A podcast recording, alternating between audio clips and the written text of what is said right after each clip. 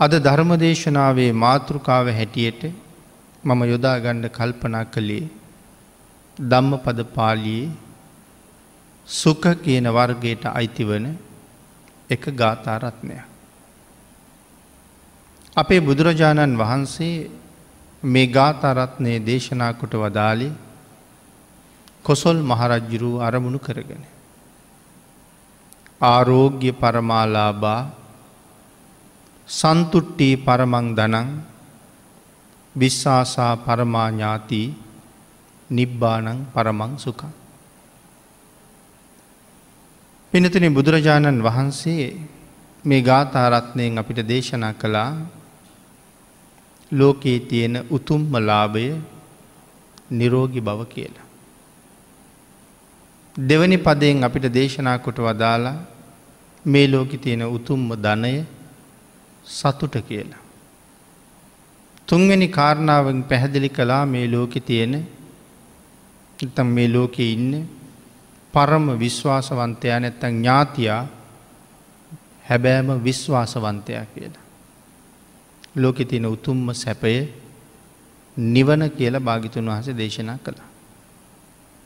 මේ කරුණු ටික පැහැදිලි කරමින් ධර්ම දේශනාව කළේ කොසොල් මහරජ්ජුරුව අරමුණු කරගෙන. කොසොල් රජ්ජුරුව කියල කියන්නේ බුදුරජාණන් වහන්සේගේ ඉතා සමීපදායකෙක්. ඒ වගේම බොහෝම ශ්‍රද්ධාවන්තේ. සෑම දවසකම වගේ දවසකට දෙපාරක් බුදුරජාණන් වහන්සේ වැඳ පුදාගන්න එක කොසොල් රජ්ජුරුවන්ගේ සිරිතක් වගේ. ජම්බුද්ධීපයේ හිටපු මහා සටන්කාමින් තුන් දෙනාගෙන් එක් කෙනෙක් තමයි කොසොල් රජ්ජුරුව කියල කියන්න. කොසොල් රජ්ජුරුව සාමාන්‍යයෙන් ආහාර අනුභව කරන්න ගියහම මගද නැලියෙන් නැලි දාසයක් වළඳනව කියල කියන්න. ඒ තරන් බතුත් අරගෙන ඊට සෑහෙන්ඩ ව්‍යංජනත් එකතු කරගෙන අනුභව කරනවා. හැබැයි ඒ ප්‍රමාණය අනුභව කරහම රජ්ජුරුවන්ට පහසු නෑ හරි අපහසුයි. ආහාර හොඳටම වැඩි හින්දා. දවසක් කෑමකාපු ගමම්ම වගේ බුදුරජාණන් වහන්සේ මුණ ගැහෙන්න ගියා. බුදුරජාණන් වහන්සේ ළඟත් වාඩි වෙලා බොහොම අමාරුවෙන් තමයි ඉන්න එහාට මෙහාට ඇඹරියඹරි. ඉති එහෙම ආහාර ගත්තා අය අතීතය ඉඳල තියෙනවා. එහෙම අය ගැන ධර්මය කරුණු පැහැදිලි කරනවා. ආහාර කොයි තරං අනුභව කළත් තෘෂ්ණාව නැති වෙලා නෑ. රස තෘෂ්ණාව සම්පූර්ණ වෙන්න. බඩ පිරුණට හිත පිරිල නෑ. ඒහින්ද සමහර පිරිසක් ඉඳල තියෙනවා ප්‍රනීත ආහාර අනුභව කරන්න පුළුවන් උපරිම තරමටම අනුභව කරනවා. නමුත් තවත් ඉතුරුයි තවත් අනුභව කරන්න හිතයි නමුත් දැන් කටට එනකම්ම පිරිලයි තියෙන්නේ. ඊට පස්සේ පැත්තකට ගිහිල්ල ගිරියට ඇගිල්ල දාලා වමනි කරනවා. වමනි කරලා ඇවිල්ල අර ඉතුරු ආහාර ටික ආයෙත් අනුභව කරනවා. ඒ රසය විඳින්ට ඒ තරම් කැමති. තව පිරිසක් ඉඳල තියෙනවා ආහාර අනුභව කරහම නැගිටින්ඩ බෑ. කවුරු හරි අත දෙන්න ඕන නැගිටින්ට. ඒ තරම් අනුභව කරලා. තවත් පිරිසක් ඉඳල තියෙනවා ආහාර අනුභව කරලා එත්තනම වැටිලා නිදාගන්න. කෑම කාපු විදිහටම අතවත් ඕදන්න ඇතුව නිදාගන්න. ඒ නිදාගන්නකොට උඩු බැලි අතර හිටිය හම කට ඇරෙනවා කියල සඳහන් කරනවා. තව ආහාර කොටසක් උගුර දිහා තියෙනවා පල්ල හැට යන්නේ යන්ඩ පල්ලහැ ඉඩ ඉඩ නෑ. කපුටෝ ඇවිල්ල වහලා මේ උගුර දිහා තියෙන බත්තට අරගෙන කනවා කියලා කියනවා. එත් තරම්ම කෑම කාල. එහෙම අය පිළිබඳව ධර්මය සඳහන් කරනවා. ඉතින් කොසොල් රජ්ජුරුවොත් පහසුවෙන් ඉන්ඩ බැරිවෙනකම්ම කෑම කනවා. ඉතින් භාග්‍යතුන් වහසළඟට ඇවිල්ල මෙහෙම බොහොම අමාරුවෙන් ඉන්නවා දැක්ක හම බුදුරජාණන් වහන්සේ ඇහු අසනීපයක්ද කියලා.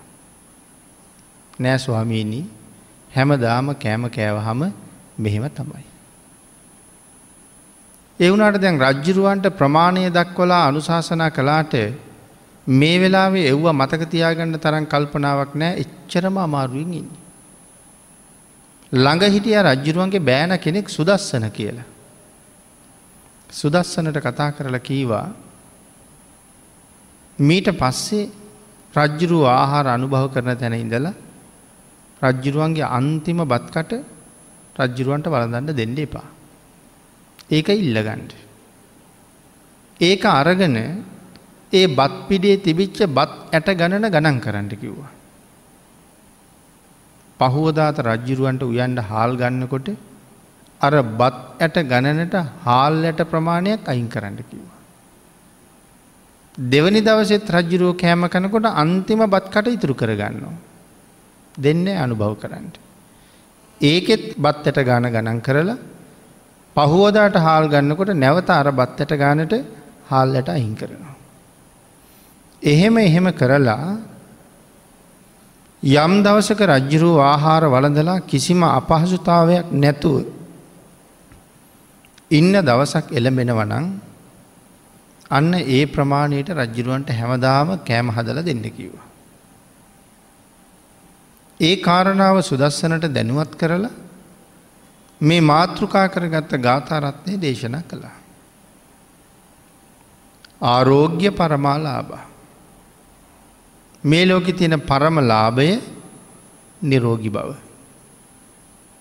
ලාභ කියල කතා කරහම පින්නතුනි. මොන තරං ලාභ තියෙනවද. කොහොමත් අපි හැමෝම පාඩු වෙනවට වඩා වැඩියෙන් කැමති ලාභ තියෙනවට. පාඩු වෙනවට කවුරුවත් කැමති නැහැ. හැමදයකින්ම ලාභයක් අපි බලාපොරොත්තු වෙනවා. වැයට වැඩිය අය තියෙනවනම් තමයි අපි හැමෝම කැමති. ඉතින් ඒ නිසා ලාභය අපිට ලොකු සැපය. හැබැයි පරමලාබයි කියල කීවි නිරෝගීකමට. අපි ව්‍යාපාර කරලත් ලාභයක් හොයනවා. තවත් වෙනත් නොයෙක් කටයුතු කරලත් ලාභ හොයනවා. ඒ ලාභය කෝටි ගණන් ගොඩ ගෙහිල්ල තියෙනවා වෙන්න පුළුව. නමුත් ඒ හැම ලාභයකටම වඩා නිරෝගි බව වටිනවා. අපිට ලාභ ලැබිල ලොකු ගෙවල් හදලා තව ගෙවල් හතාට දහයක් අරගෙන රටේ හැමතැනම වගේ ඉඩං අරගෙන තව ව්‍යාපාරික ස්ථාන පටන් අරගෙන ඉතාම සැපදායක යානවාහන අරගෙන මේ ඔක්කොම කරලා තියෙන මොනවාගින්ද අර ලැබුණ ලාභවලි. නමුත් දැන් අසනීප වෙලා. ඒ අසනීප වෙච්ච නිසා කෝටි ගණන් වියදන් කරනවා ලෙඩේ සනීප කරගන්නට. නමුත් මූල්්‍යමය වශයෙන් තිබිච්ච කෝටි ගණන් දැන් ඉවරයි. නමුත් තාම ලෙඩේ සුවනෑ. ඊට පස්සේ රටේ තැන්තැන්වල අරන්දාලා තියෙන එක එක ඉඩං විකුණනවා.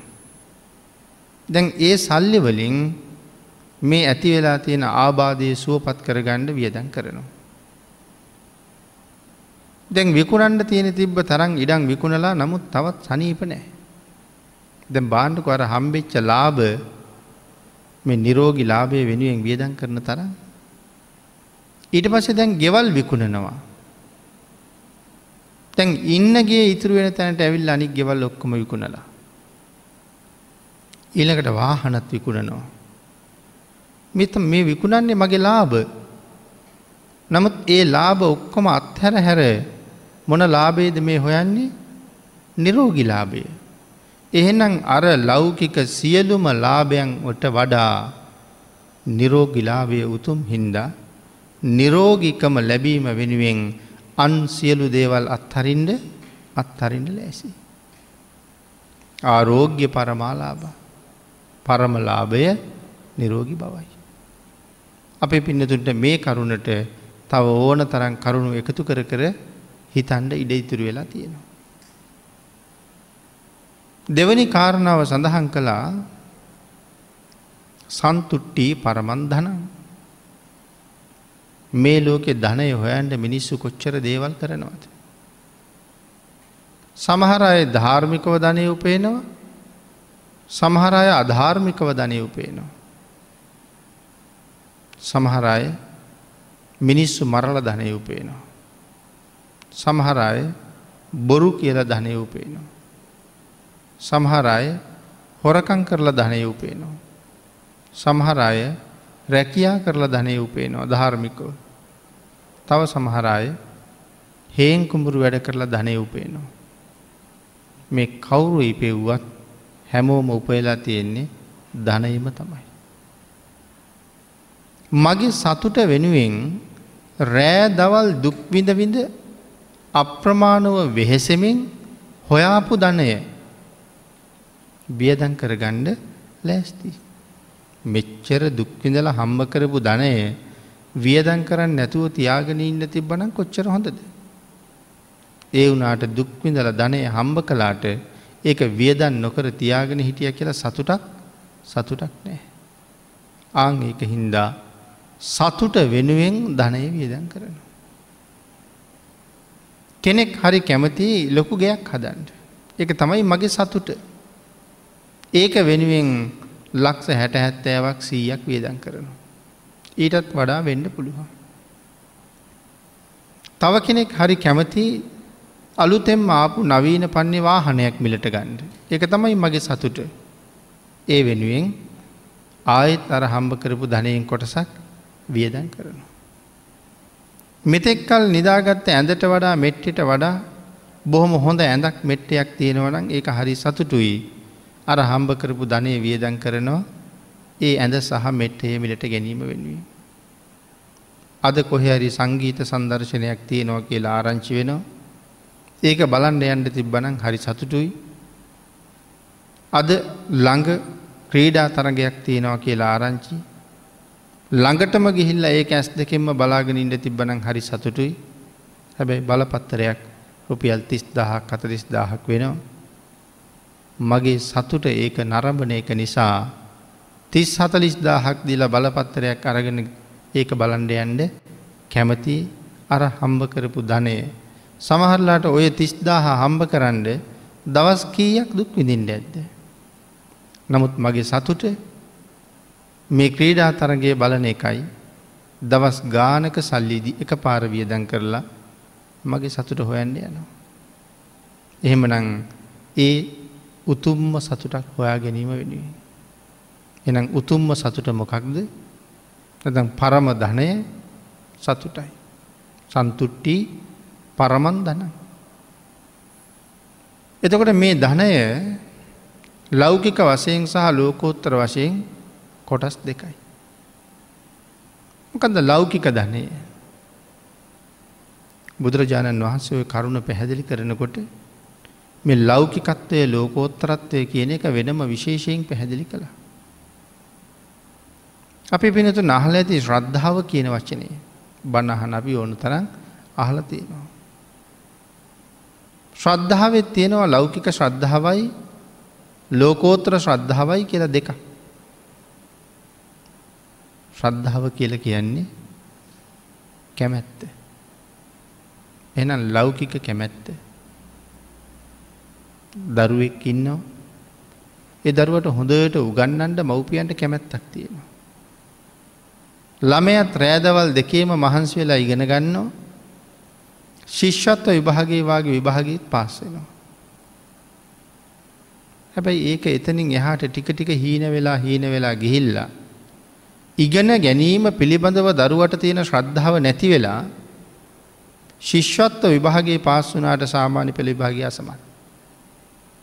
අර ශිෂ්‍යත්වයට ලියනකං ඉගෙන ගණ්ඩ තිබ්බ ශ්‍රද්ධාව සාමාන්‍ය පෙළට යනකොට නැතුව ගිය.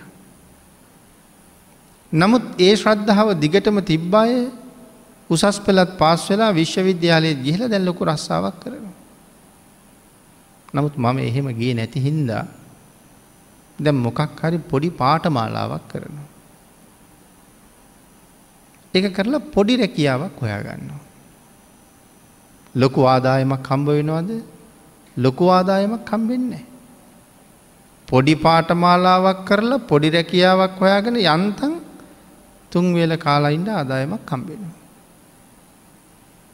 නමුත් බොහොම ඉහළට ගියපු කෙනා ලොකු පඩියක් අරගෙන සැපසේ ජීවත් වෙනවා. ඉතින් මේ ලෞකික ශ්‍රද්ධාවේ හැටි. ඉගෙන ගන්න තිබිච්ච කැමැත්ත නැතුව ගිහිල්ලා දැන් දුක් විඳිනවා. කැමැත්ත තිබ්බාය උසස් විදිහට ජීවත් වෙනවා. මේක අපේ පින්නතුන්ට බොහෝ කරුණුවලට තව එකතු කරන්න පුළුවන්. ගෙයක් හදන්ඩ පටන්ගණ්ඩ ලොකු කැමැත්තක් තිබ්බා. සමහරලාට දස් ගානක් වියදන් කරලා සැලස්මකුත් ඇඳ ගත්තා. ගේත් පටන් ගත්තා. අත්තිවාරමත් සම්පූර්ණ කළා. පස්සෙ කාලේ ඒකින් භාගයක් බැඳ ගත්තා. භාගයක් බැඳගෙන පදිංචිට ගිය. අර මුලින් තිබ්බ ශ්‍රද්ධාව දැන්ගේ ගැන නැතිහින්ද මනුස්සයා මැරිල යන්නෙත් බාගිට හදාපු ගේ ඇතුළි. එක සම්පූර්ණ කරන්න ආයුවමනාවක් තිබෙනෑ ඒ ශ්‍රද්ධාව මගද පලු කියලා. එතකොට ඒ ශ්‍රද්ධාව උපරිමයෙන් තිබ්බනං ලෞකික ශ්‍රද්ධාව ඒගේ වැඩත් ඉවර කරගෙන එයා හරි සතුටින් ඉන්නවා. ඒක මගට යනකොට තිබෙනේ. ලෝකෝත්තර ශ්‍රද්ධාවත් එහෙමයි. සමහර කෙනෙක් බොහොම හොඳට ඇඳුම් මහගෙන පැදුරකුත් අරගෙන පොට්ටිහිකුත් අරගෙන තීරණය කරනවා මං අහවල් පෝය දායිදලා සිල් ගන්නවා කියලා. දැන් සේරම ටික අරගෙන යනවා මේ පෝයට සිල් ගන්ඩ. මේ පෝයත් යයි සමහරලාට ඊළඟ පෝයත් එයි එතනෙන් ඉදල සිල් ගණ්ඩ තියෙන ශ්‍රද්ධාව ඉවරයි එක ටික ටික ටික හිල්ලා අන්තිමට පොට්ටිකත් නෑ ඇඳුමත් නෑ සිල්ලර ගණඩ යන්න යන්නෙත් නෑ. අර මුලින් පටන් ගණ්ඩ තිබිච්ච ශ්‍රද්ධාව දිගටම පවත්වන්න පුළුවන්කමක් නෑ. ඊළඟට භාගිතුන් වහන්සේ මේ ධනය පිළිබඳව සන්තුට්ටී පරමන් දනං පිළිබඳව පැහැදිලි කරනකොට ලෞකික ධනය සහ ලෝකෝත්තර ධනය පිළිබඳව සඳහන් කලා ශ්‍රද්ධාව හොඳටම තියෙනවනං ලෞකික ශ්‍රද්ධාව හොඳටම තියෙනවනන් ලෞකික ධනය සම්පූර්ණ වෙනවා ලෝකෝත්‍ර ශ්‍රද්ධාව හොඳටම තියෙනවනන් ලෝකෝත්තර ධනය සම්පූර්ණ වෙනවා. එනම් මෙතන ලෞකික ශ්‍රද්ධාව ලෞකික ධනය සඳහන් කලා රංවිදී පුතු මැඩි. මේවා ලෞකික ජීවිතය අපිට තියෙන උතුම්ම දන සම්පත්. රංග්‍රදී මුතුමැනික් තියෙනව නං මේ ලෝකෙ අපිට ලබන්ඩ බැරි දෙයක් තියෙනවද. රත්තරන් දීලා ඕන තරන් දේවල් ගණ්ඩ පුළුවන්. ගෙවල් ගණ්ඩත් පුළුවන් ඉඩං ගණ්ඩත් පුළුවන් යානවාහන ගණ්ඩත් පුළුවන් උවමනානං අහස් යානා ගණ්ඩත් පුළුවන්. පත්තරං තියෙනවනම් මුතු මැනික් තියෙනවනම් ඒ වදීල ලෞකික ජීවිතය ඕනැම දෙයක් ගණ්ඩ පුළුවන්. ඒ වගේම අවශ්‍ය නං එව්වදීලා ඊට වඩා වටින රත්තරං සහ මැනික් ගණ්ඩත් පුළුවන්. රංග්‍රදී තියෙනවනං මේ උපභෝග සම්පත් බහුභෝග සම්පත් ඔක්කොම ගණ්ඩ පුළුවන්.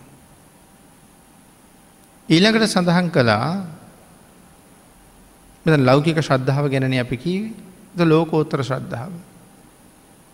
ලෝකෝත්තර ශ්‍රද්ධාව තුළ හරියට තිසරණෙහි පිහිටනවා.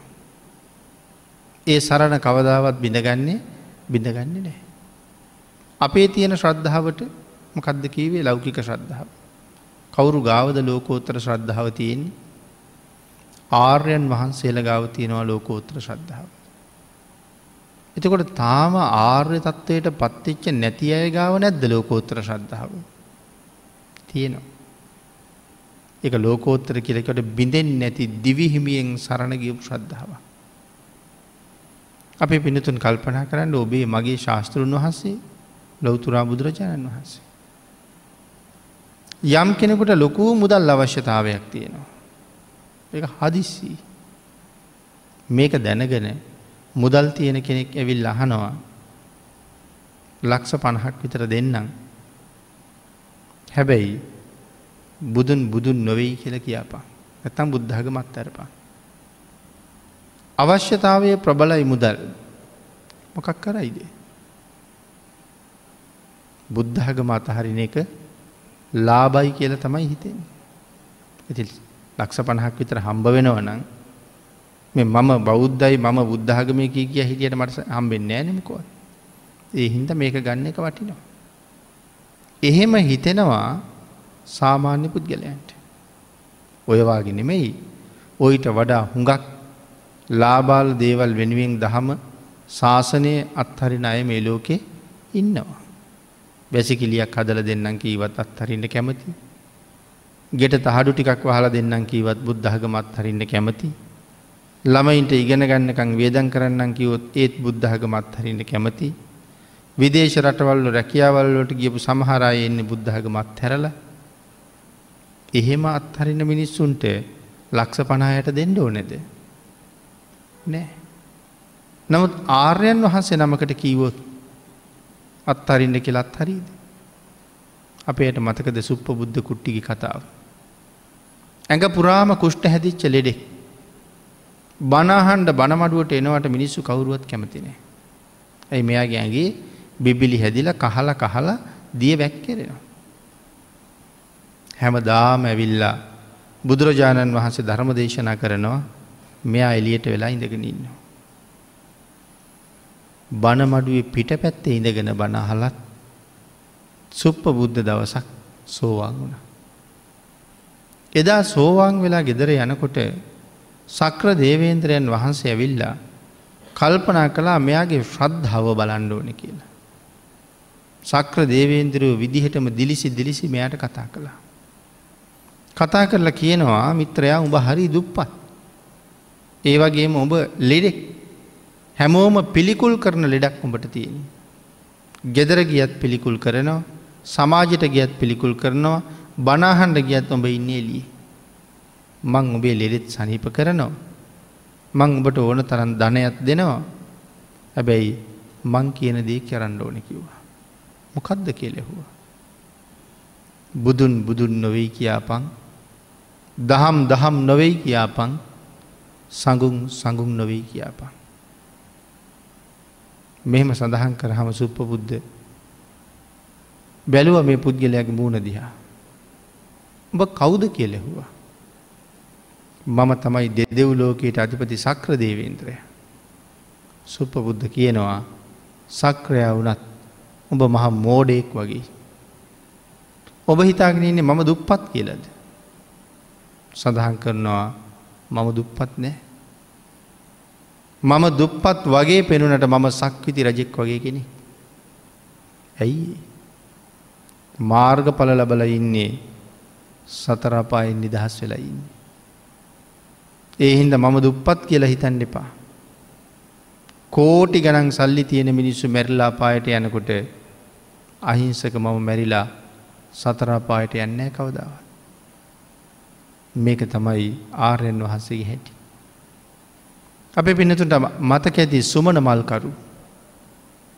බුදුරජාණන් වහන්සේ වෙනුවෙන් රජ්ජුරුවන්ට අරගෙන යන මල්ටික පූජ කළා. රජ්ජුරුවන්ට අද මල්ගිනිච්ච නැත්තං මැරුම් කණ්ඩුවෙන්ඩත් පුළුවන් රටින් නිරපන්ඩත් පුළුවන් හිරේදාන්ඩත් පුළුවන්. සුමන කල්පනා කරනවා හැමදාම රජ්ජුරුවන්ට මල්ගෙනිච්චා. නමුත් අද මල්ටික මම් බුදුරජාණන් වහන්සට පූජ කරනවා. රටින් පැන්නුවත්කමක් නෑ හිරේ දැම්මත්කමක් නෑ මරල දැම්මත්කමක් නෑ මං අද මල් පූජා කරන්නේ භාගිතුන් වහසේට. මල්ටික පූජා කරලා හිස් සතින් ගෙදර ගිය. එතකොට මල් විතරද බුදුරජාණන් වහසට පූජ කළේ ජීවිතෙත් පූජ කළා. මරණවනං මරපුවාවේ. බිරිඳ ඇහුව කෝමල් කියලා. බිරිඳට සඳහන් කළා අදමල් රජ්ජිරුවන්ට නෙවේ බුදුරජාණන් වහන්සේටයි. බිරිඳ ඇහුවා රජු උදහස් වෙලා අපිට මොනව නොකරයිද. ඉක්මට ලැහැත්ති වුණ රජ්ජුරු ගාවට ගිය ස්වාමීනි අර මෝඩ මනුස්සයා ඔබෝහන්සේට ගෙනාපු මල් බුදුරජාණන් වහන්සට පූජ කරලා. ඔබෝහන්සේ කේන්ති ගත්තොත් එහෙම මටයි දරුවන්ටයි නම් මොකොත් කරන්න එපා. ඒ මෝඩ අම නෝග්ඥ වැඩේ කරපු ඒ මිනි හැටම දඩුවන් කරනවා මිසා. සුමන මලුත් එක්ක ජීවිතයත් හැරිය ඒක දැකලා අර ශ්‍රද්ධාව නැති කාන්තාව සුමනත් අත්හරින් ලෑස්තිය. නමුත් අපිටත් තියෙනව නම් එහෙම ශ්‍රද්ධාවක් ඒ ශ්‍රද්ධාව පින්නතින හරි වටිනවා. ලෝකෙන් එතර වෙන්ඩ තියෙන උතුම් ශ්‍රද්ධාවක්. මේ ලෝකෝත්‍ර ශ්‍රද්ධාව තියෙනව නං සත්තිස් බෝධි පාක්ෂික ධර්මයම සම්පූර්ණ කරගෙන නිවන හොයාගෙන යන්ට හරි පහසුයි. රංග්‍රදිය මුතු මැනික් තියෙනවනං ලෞකික ධනය හොයාගන්න එක ලේසි ලෝකෝත්තර ශ්‍රද්ධාව තියෙනවනං සංසාරෙන් එතර යන මාර්ගය විවර කරගණ්ඩ හරි ලේසි. ලෞකික ශ්‍රද්ධාවත් නැති නිසා කරපු වැඩපොලටික භාගිට නැවතිලා තියෙනවා උතුම් ලෝකෝත්තර ශ්‍රද්ධාවක් නැති නිසා කරන්ඩ හිතාගෙන හිටපු පින්කං ටික නොකර මග නැතර වෙලා තියෙනවා. එහෙමනං උතුම්ම ධනය අගිතුන් ආසි දේශනා කළේ සතුටයි. සතුටු වෙන්ඩ පුළුවන් කාටද. පිනතන මේ ලෝක හොඳටම සතුට වෙන්ඩ පුළුවන් නිවැරදිව තිසරනෙහි පිහිටලා පින්කං කරපු අයට. අපිට පව්කර කර සතුට වෙන්ඩ පුළුවන් පව් කරලා සතුට වෙන අයෝන තරන් දකිනවා. හැබැයි ඒක සදාකාලික සතුටක්ද කවද හරි දවසක ඒක දුකක් බවට පරිවර්තනය වෙනවමයි. ආං ඒක හින්දා මැරෙනකං අනුස්මරණය කරන්න පුළුවන් සතුටක් හොයන එකයි වටින්. ඒක මරණ මංචිගෙත් සතුටුයි. අන්න ඒක හින්ද තමයි පින්කමක් කළත් හරියටම කල්පනා කරල ප්‍රඥාව මෙහෙවල සම්පූර්ණ කරගණ්ඩ ඕන කෙල කියන්නේ. කෙනෙක් දානයක් දෙනවා කියලා අපි කියමු. ඒකට ලක්ෂ ගානක් වියදන් කරලා දෙන දානයක්.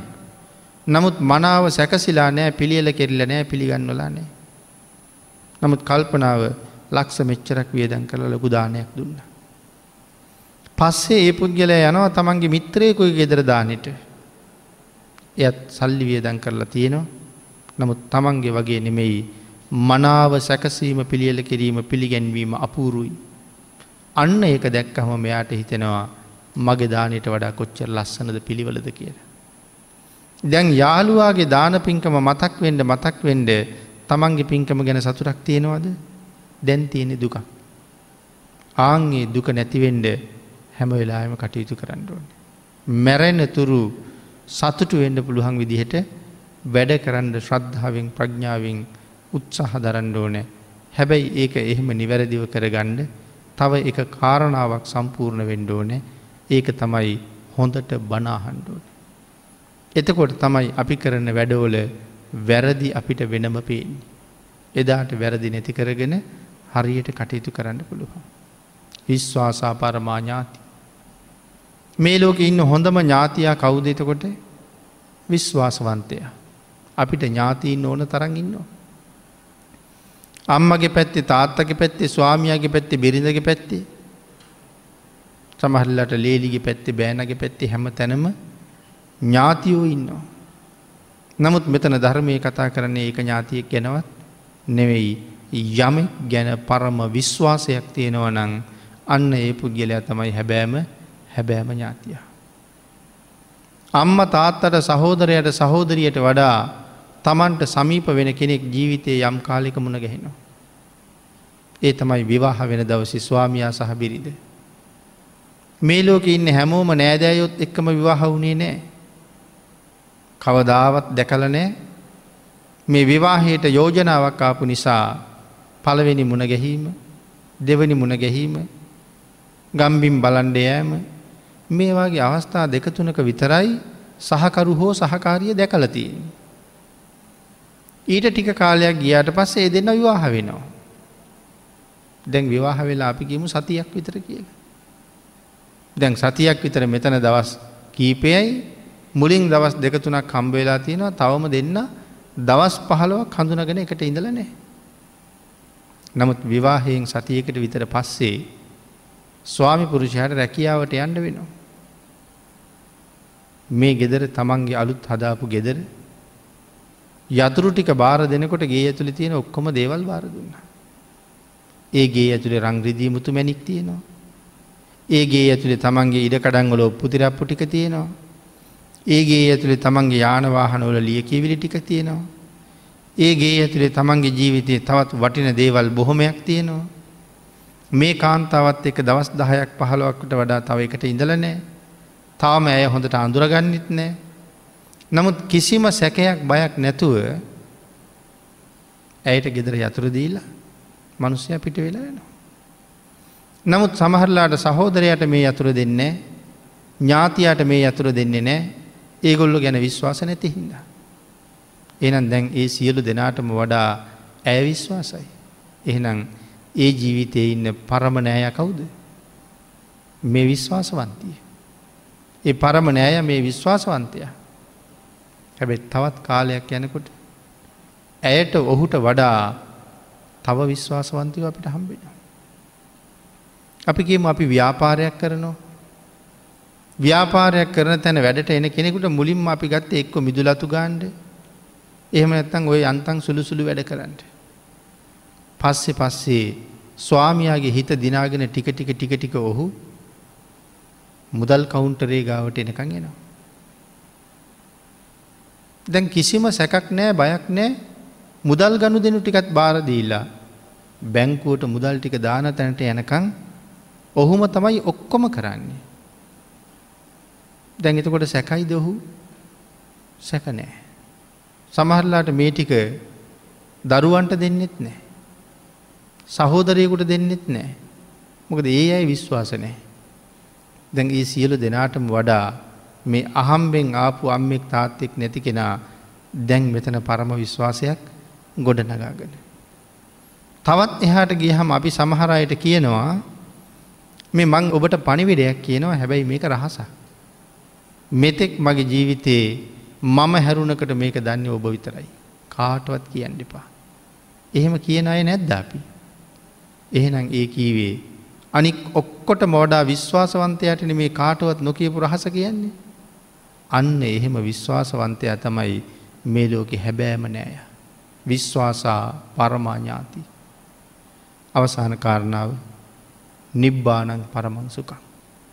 මේ ලෝකෙ තියෙන උතුම්ම සැපයට කීවේ නිවන කියලා. හැබැයි නිවන මොනතරං සැපයිද කියන කාරණාව අපි කාටවත් තේරෙන්නේ නෑ අමකද අපි තාම නිවන දැකලා නිවන දැකළ නැති නිසා. නිවන නොදැක්ක නිසා බොහෝ අයට නිවන ගැන බොහෝ ප්‍රශ්න තියෙනවා. හැබැයි නිවන කොහොමද කියන කාරණාව භාගිතුන් වහස පැහැදිලි කරලා තියෙනවා. මජ්්‍යම නිකායි තියෙන මාගන්දිය සූත්‍රයෙන් අපේ බුදුරජාණන් වහන්සේ මාගන්දිය බමුණට සඳහන් කලා බමුණ බැන්නන භාගිතුන් වහන්සේට. බමුණ බයින ඔබවහන්සේ මිනිස්සුන්ගේ දියුණුවට කැමති නැති ඉරිසියකාරී. වෘදිනාසකයෙක් කියල බයින්න. ඇයි මාගන්දිය මට වෘදිනාසකය කියල කියන්නේ. මාගන්දිය කියනවා ඔබ වහන්සේ කරන හැම දේශනාවකම මිනිස්සුන්ට දේශනා කරන්නේ ඇහැ පාලනය කරගන්න කියලා. කන පාලනය කරන්න දිව පාලනය කරන්න කියලා. ඇහෙන් කරන්නේ රූප බලන එක මාගන්දී කියනවා අපි එහෙම කියන්නේ. අපි කියන්නේ රූප බලන්ඩ රූප හොයන්ඩ දැක්කට වඩා ලස්සන රූප හොය හොයා ගිහිල්ල බලන්න කියලා. මොකද ඇස් ලැබිල තියෙන්නේ ඒකට. ඒ වුනාට මාගන්දියල දන්නේ නෑ. ඒ සමහර රූප බලන්ඩ ගිහම වැඩිපුරම වැඩෙන්නේ කෙලෙස් කියලා. කෙලෙස් වැඩි වෙනවා කියලා කියන්නේ සංසාරය දික් වෙනවා කියන එක. බුදුරජාණන් වහන්සේ දේශනා කළේ බලන්ඩ අවශ්‍ය ප්‍රමාණය බලන්ඩ නොබැලිය යුතු දේවල් දිහා හැරි හැරි බලන්ඩ එපා කියලා. එහෙනම් ඉන්ද්‍රියන් පහටම ඔය කාරණාව කියන්න ඕනේ. බුදුරජාණන් වහන්සේ මාගන්දියගෙන් ඇහුව මාගන්දිය රූප හොයලා රූප බලල රූප රසවිඳලා අන්තිමට රූපයේ ආදීනුව විඳිනාය ගැන මොනවද ඔබලාගේ සූත්‍රවල තියෙන්නේ. මාගන්දිය ඒකින් එහට කතා කළේ නෑ. මාගන්දිය කියනවා ඒ ගැන අපේ සූත්‍රවලමකුවත් නෑ. දේශනා කලා මාගන්දිය මේ මනුස්සලෝකයේ මම තරං පංචකාමය විඳපු මිනිහෙක් වෙන නෑ. මම ගිහි කාලේ මට තිබිච්ච පංචකාමය වෙන කාටවත්නෑ. නමුත් අවුරුදු විසි නමයක් යැනකොට මාගන්දිය මට ඒ පංචකාමය එපාම වුණා. මට තේරුණා ඒ ගිහි ගෙදර ඒ සැපත අස්සේ කිසිම සැපක් නෑ කියලා. මන් ගිහි ජීවිතය අත් හැරල තනියම ගිහි ගෙදරින් පිට වෙලා ගියා. ගිහිගෙතරින් පිට වෙලා ගියපු මට විවේකයෙන් ඉපදිච්ච ධ්‍යාන සුවය හම්බ වුණා. මෙතන තනියම පිට වෙලා ගියා කීවට තමන්ගේ සේවකය හිටිය දෙවිවරු ලක්ෂ ගානක් හිටිය නමුත් තමන් තනියමනේ තමන්ගේ සැපාත් හැරියේ එකයි එහෙම සඳහන් කළේ. එහෙම ගියාට පස්සේ විවේකයෙන් ඉපදිච්ච ධ්‍යාන සුවය හම්බ වුණාමට මාගන්දිය. ප්‍රථම ධ්‍යාන සුවය දෙවියන්ගේ සැපයට වඩා උසස්. ප්‍රථම ධ්‍යානයේ දිව්‍යමය සුවයට වඩා උසස් වෙනකොට මාගන්දිය හිතනවද මම මේ මිනිස්සුන්ට පංචකාමය වර්ණනා කරයි කියලා. මම මේ මිනිස්සුන්ට පංච ඉන්ද්‍රිය පාලනය කරගණ්ඩ කීවේ පංචකාමයට වඩා උසස් සැපයකට එමිනිසු අරංයන්ට. ප්‍රථම ධ්‍යාන සුවය හම්බ වෙච්ච මට දැනුනේ ඒ ගිහි ගෙදර තිබිච්ච සැප ලෙඩක් වගේ. ඒ හින්දයි මං මිනිස්සුන්ට ඇහැ පාලනය කරන්න කියලතින්. මාගන්දිය ඇඟ පුරාම කුෂ්ට හැදිච්ච මිනිහෙක් ඇඟ කහනෝ. කහල කහල දරාගණ්ඩ බැරුව කබලක් අරගෙන රත් කරනවා. එ තරම්ම වේදනාවයි කැසිල්ල. එහෙම තවල තවල තවල බැරිම තැන ඔහු පස්සෙ කොහොමරි සුවපත්වෙනවා. ආං ඒ සුවපත්වෙච්ච පුද්ගලයා දවසක් ගමනක් යනකොට දකිනවා තමන්ට වගේම බිබිලි හැදිල කුෂ්ට හැදිල කහන මිනිහෙක් ඒ මිනිහත් ඉවස ගණ්ඩ බැරුව තවනෝ. මාගන්දිය කලින් තවල පුරුදු මිනිහට හිතෙනවද දුවගෙන දුවගෙන ගිහිල්ලාර කබල උදුරගෙන තවන්ට නෑස්වාමීන්. ඇයි මාගන්දිය කියන ස්වාමීනි ඕකෙන් තවනකොට සැපයි නෙමේ දුකයි. එහන මාගන්දිය අහවල් එහෙකට දෙදා ඒ මනුස්්‍යය තවාගත්තය දුකයින. සඳහන් කලා ස්වාමීණී කායප්පසාදය වෙනස් වෙලයි තිබ්බි. එදා තවනකොට සැපයි වගේ දැනුන නමුත් ඒක සැපක් තිබෙනෑ. මාගන්දිය ඔය පංචකාමය ඉන්ද්‍රියන්ගෙන් විඳවිඳා ඉන්න අයට හිතෙන්නේ ඕක සැපයි කියලා. නමුත් මාගන්දී ඕකේ කිසි සැපයක් කිසි සැපයක් නෑ. ඊළඟට පැහැදිලි කලා මාගන්දිය මිනිහෙකුගේ තුවාලයක් හැදිලා. ඒ තුවාලෙ මුකය ඔහු නියපොත්තෙන් කහනකොට ඔහුට දැනෙනවා සැපයක් මාගන්දිය මිනිස්සු මේ ලෝකෙ පංචකාමයන්ගෙන් හොයන සැප තුවාලයක් නියාගින් කහනකොට හොයන සැපයක් වගේ සැපයක් ඔය හොයන්. ඔය පංචකාමි තියෙන ඒ වගේ ඒ වගේ ලාබාල සැපයක්. මම මිනිස්සුන්ට ඒ සැපේට ඇලෙන්ඩ ඉට දෙන්නේ. මං මිනිස්සුන්ට ඉන්ද්‍රියන් පාලනය කරන්න කිවේ ඊට වඩා උසස් සැපයකටෙන්ට. ප්‍රථමධ්‍යානයේ දිව්‍ය ලෝක සුවයට වඩා උතුම් නං දෙවන තුන්වෙනි හතරවෙනි ධ්‍යාන මට්ටම පහු කරලා අටවෙනි ධ්‍යාන මට්ටමට යනකොට කොහොමතියයිද නිවන කියන්නේ ඒ අටවෙනි ධ්‍යාන මට්ටමට වඩා උඩින් තියෙන එක. අන්න ඒකයි පින්නතන සක්විති රජවරු සක්විති රජ සැපත් හැරලා නිවන් දකිින්ට වීරය වඩන්නේ. ඒකයි දෙවියෝ දිව්‍ය සැපත් හැරල නිවනට යන්ට වීරය වඩන්නේ. ඒකයි බ්‍රහ්මයෝ බඹ සැපත් හරල නිවනට යන්ට වීරය වඩන්නේ නිබ්බානං පරමංසුකං මේ ලෝකෙ තියෙන පරම සැපේ නිවන නිසා. ලොවතුරා බුදුරජාණන් වහන්සේ ඔබට මට අනුශාසන කළෙත් එතෙන්ටෙන්ට. අපි එතෙන්ට යෑම සඳහා මේ කාරණාව තේරුම් අරගෙන වීර්ය වඩන්ඩ ශ්‍රද්ධාව දියුණු කරන්න ඔබ සියලු දෙනාටම රත්නත්‍රයේ ආශිරවාදයෙන් ශක්තිය දහිරිය භාග්‍ය වාසනාව උදාවේවා කියලා ආශිර්වාද කරනු.